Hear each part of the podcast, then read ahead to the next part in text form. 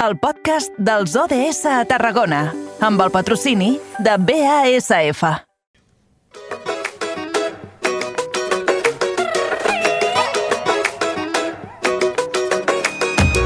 Saber-te els pulmons plens d'aire fresc que ballen cada bater. En l'abraç d'aquest bressol ballem amb la dansa que porta el teu nom. Sento que es pot néixer de nou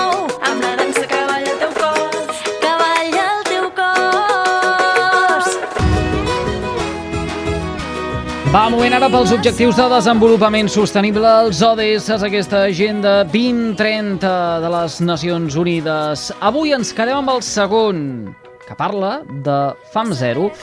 Ens adorem als estudis de la nova ràdio de Reus. Allí tenim la nostra companya Angie Aramayo. Angie, bona tarda, bon dimarts. Molt bona tarda, Eduard, igualment. Escolta, qui ens eh, il·lustrarà millor entorn d'aquest objectiu? El segon, el que fa referència, doncs, a això, que ningú passi gana. Doncs mira, abans de dir-te amb qui parlarem, deixa'm dir-te també que eh, justament parlarem de sobirania alimentària, un concepte que a vegades eh, no el sabem bé eh, definir. Però com cada 15 dies, qui ens ensenyarà tot això serà el Gonçal Barrios, membre i impulsor de la coordinadora d'ONGs de Tarragona. Molt bona tarda i benvingut, Gonçal. Buenas tardes, Angie. Uh, justament dèiem això de la sobirania uh, alimentària i el primer que m'ha vingut al cap, uh, Gonçal, és què està passant amb els preus dels aliments? Bé, doncs que els preus pugen igual que altres coses, no? Igual que la gasolina, que l'electre, que el gas, etc. És a dir, que amb el tema dels preus dels aliments, nosaltres, els consumidors, paguem els aliments a preus cada cop més cars. Però la característica d'aquest tema, d'aquest sector, és que els productors, pagesos, ramaders, etc., en general no es beneficien gaire de l'augment d'aquests preus. És a dir, cada cop venen ells més barat i nosaltres, els consumidors, cada cop comprem més car. Podríem dir en general que les opcions que té el pagès i el consumidor s'han reduït moltíssim, no?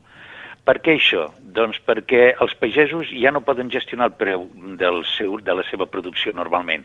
Els ha pujat el gasoil, els ha pujat els adobs, els fitosanitaris derivats del petroli, eh, i, i després ells tenen que donar la seva producció a una sèrie d'intermediaris o corredors del mercat del camp, de Mercabarna, en aquest cas nostres d'aquí, a les cooperatives, etc etc. Això significa uh -huh. que el preu, a mesura que van apareixent intermediaris i es van fent transports d'aquests productes, se va inc incrementant, però no arriba amb ells, no?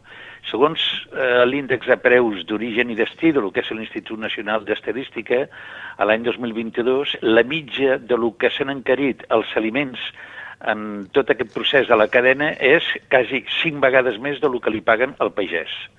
Però n'hi ha que sobrepassen, no? ja que estem ara en època de cítrics, encara que ja la taronja s'està acabant, doncs la taronja s'ha vengut 11,21 vegades més cara de lo que li han pagat al pagès. La mandarina, 8,56. La llimona, 10,65 vegades més cara. El per què passa això? Bueno, doncs també és perquè eh, hi ha uns canvis alimentaris, no? Eh, tots són conscients, no? Doncs hi ha una pèrdua de, de consum de productes frescos i de temporada i, per tant, hi ha una pèrdua dels mercats locals eh, on anava la gent a comprar i ara van a les grans superfícies, amb la qual aquesta distància entre el productor i la venda i el, el, i, el, i el comprador i la venda també cada vegada és més gran, no? I està més controlat en poques mans, eh? Uh -huh. A banda de que també hi ha altres històries, com per exemple que Catalunya ha desenvolupat molt el tema dels aliments prefabricats, però sí ha perdut molta capacitat d'autosuficiència en la producció d'aliments, no? Excepte en alguna cosa, que és el tema ramader. Tots sabem que el tema de la producció del porc a Catalunya és molt important, però que està sobredimensionada, no? tot està dirigit quasi a l'exportació, no? I llavors aquesta, diguem, quantitat de tocinos que es valoren més, diversos milions, doncs exigeixen unes importacions enormes de cereals i de tortó de soja, etc per poder-los alimentar, perquè no tenen capacitat per produir-lo, no? Llavors, uh -huh. eh, sí que tenen que importar, però després la part negativa d'aquesta producció és que tots els excrements d'aquests animals es queden aquí i creen problemes de contaminació en el sol, les aigües a base de nitrats, no?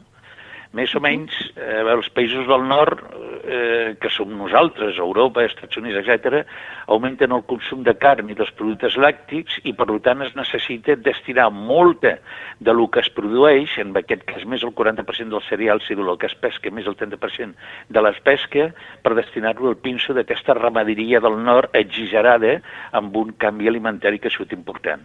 D'aquí, per exemple, ve molt el programa de la guerra d'Ucraïna, que és un dels majors productors de cereals, i que això, si vosaltres aneu al del Mediterrà, hi ha dies que hi ha 10, 12, 14 barcos. La major part de cereals que intenten descarregar aquí un cop s'ha aixecat una miqueta la veda per poder vendre aquests d'això. I a més, part d'aquests grans es dediquen a pinsos i a part també a biocombustible, és a dir, imagineu-se, la gent està passant gana i estem fent amb aquests cereals biocombustible, no? Uh -huh. Bé, hi ha tant, característiques d'aquest...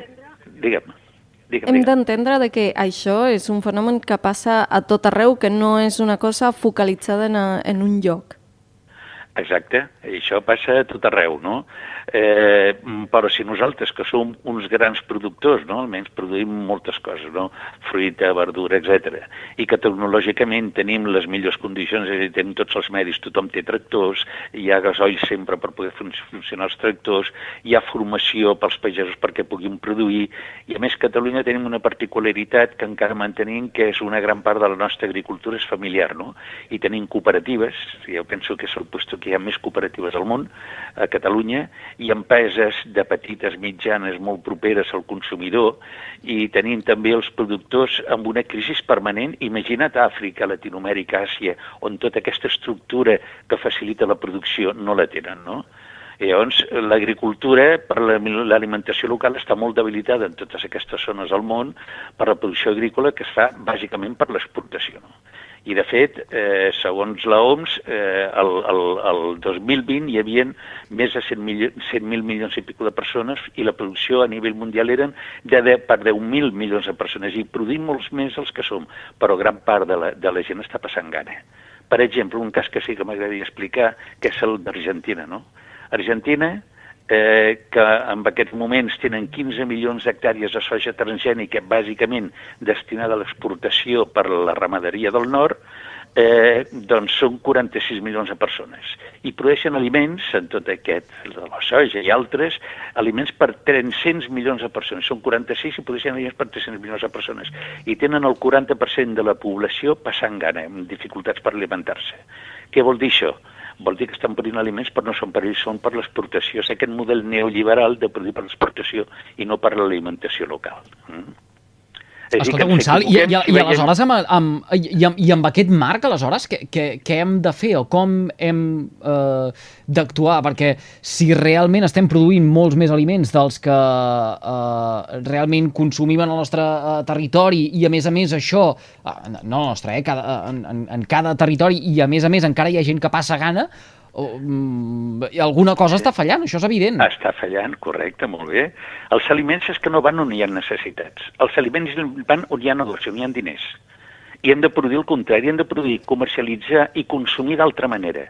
Eh? Posar les persones i les seves necessitats per davant dels interessos i de l'acumulació desmesurada de capital d'una minoria a nivell mundial en forma de fons d'inversió, de transnacionals, etc, que no respecten els drets bàsics de la persona. I el dret més bàsic eh, i el dret humà més bàsic d'una persona, perquè si no pot viure, és menjar, visqui on visqui, no? Això seria la base, no? I a més ens equivoquem si veiem que el tema de la producció i el consum d'aliments eh, com una cosa aïllada d'aquí, no? Si només vegéssim nosaltres que tenim el nostre problema i no que perteneixem a un model industrial global en aquesta producció d'aliments, encara que ens situem en un espai concret, doncs ens estem equivocant completament. Amb això va néixer eh, un concepte eh, a l'any 1996, a base via campesina, el 1993 es va crear aquesta mena de, de línia de productors de molts països a nivell mundial, es va crear el 1996 i a la Cimera Mundial de 1996 es va definir que podia ser la, la, la sobirania alimentària. Però abans voldria dir dues cosetes. Hi ha un investigador, Peter Roset, un docent de Berkeley, que treballa molt amb els conceptes de sobirania alimentària, que deia més o menys que el principal atemptat contra la sobirania alimentària, que definirem què és, és el tema dels monocultius, no? que estan basats en unes enormes extensions només orientades a l'exportació. Eh? I els països del sud han perdut la seva capacitat d'alimentar-se perquè les millors terres les utilitzen pel tema de l'exportació. I després, el que era el relator de, especial de l'ONU sobre el dret de l'alimentació, que és Jan Fiegler, deia que està sorgint un model comercial on els països, diguem, industrials dominen la producció dels aliments bàsics, com és l'arròs, el moresc, el blac, la llet, la carn, bàsicament també els quatre grans bàsics, no?, que donen aliments a, a nivell mundial. Mentre que els països pobres produeixen cultius doncs, per, diguem, la, sobre, la nostra sobretaula, el cafè o el cotó o les flors, per poder vendre'ls i pagar els arancels per poder exportar els seus aliments cap allà ja definim el que és sobirania alimentària. Sí, sí, sí, definim, dret... de, de, de, definim, definim sobirania alimentària Correcte. perquè uh, és, és un dret que, és un dret que uh, uh, tenen el, el, els pobles i que ens haurien d'ajudar precisament a posar solució també a aquest problema. Exacte. És el dret que tenen els estats i els pobles per definir les seves polítiques i estratègies sostenibles de producció, distribució i consum d'aliments. El que han de fer és garantir una alimentació sana, sana vol dir sense residus, sana vol dir que puguin arribar amb aquelles 2.000 calories mínimes que es necessiten per tindre una alimentació correcta, no? sobre la base de la petita i mitjana producció agropecuària, que realment és així, és la petita i mitjana producció agropecuària la que dona alimentació a la població a nivell mundial.